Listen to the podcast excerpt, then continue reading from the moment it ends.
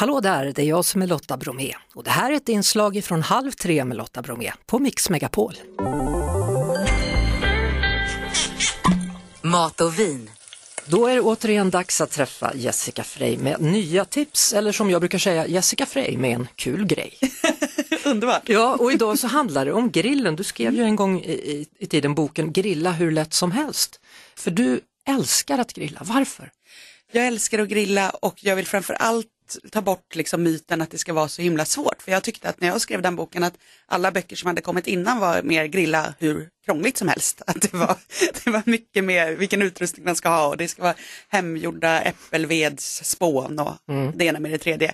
Och jag vet att det är väldigt enkelt att grilla för att jag började grilla när jag var 12 år gammal. Pappa, Vad var det som hände då? Ja, pappa han satt fast i bilkön och kände så här, fan Jessica måste tända grillen för att annars blir det för sen middag.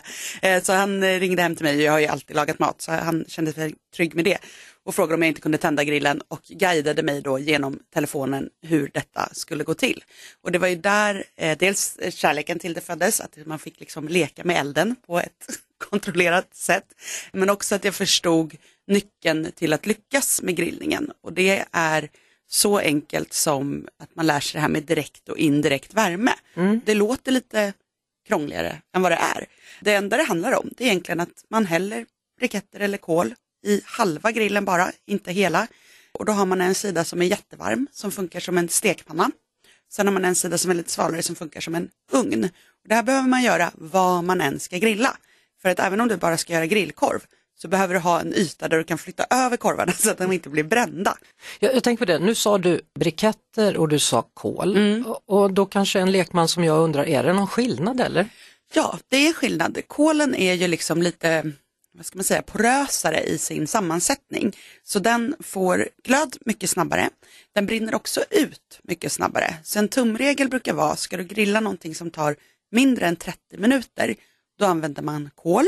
Tar det längre än 30 minuter, till exempel om du ska göra liksom en helstekt gris, eller kanske är lite, ja. väl, lite väl massa, men kanske en jättestor kalkon eller kyckling eller någonting ja. eh, som tar längre tid.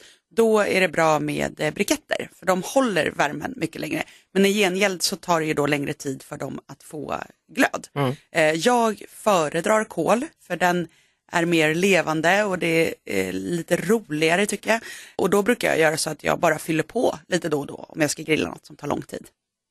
Eh, nu sitter det säkert någon framför radion och undrar, men vad händer med gasen då? Ja, precis. Det är ju många som förespråkar det här med gasolgrill och det är ju för att man eh, ofta tänker sig, ja men det går så himla snabbt att tända och det är så smidigt och maten går, kommer snabbare på bordet.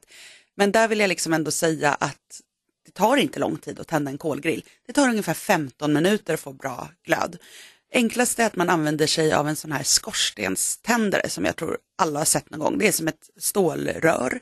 Eh, man häller i kolen uppifrån. Under där kan man lägga såna här små parfymkuber eller tändkuber eller helt vanligt tidningspapper. Funkar också bra. Så tänder man och då i det här röret så blir det ju som en skorstenseffekt då så att det blir glöd jättefort. Häller man ut det där bara i halva grillen så går det kanon. Det är jätteskönt att du beskrev det där, för jag minns när jag skulle använda den första ja. gången, det var inte lätt för en Nej. sån som mig. åt vilket håll ska det vara? Hur ska jag? Nej, du vet, det tog tid. Ja men precis, och, eh, annars kan man göra ännu enklare, man bara häller ut kolen i halva grillen, man mm. lägger ner sådana där små tändkuber som man tänder på och så låter man det ta lite längre tid då. Eller så finns det idag, om man är lite sådär, man ändå tycker det är kul med lite utrustning, då kan man köpa något som heter tändfön.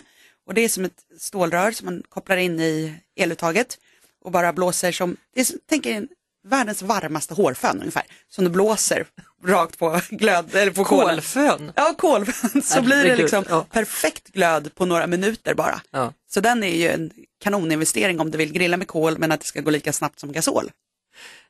En, en sista grej bara innan vi avslutar för den här gången. Tändvätska har du inte ens nämnt. Nej, det känns lite omodernt ur eh, just eh, miljöaspekten att använda tändvätska.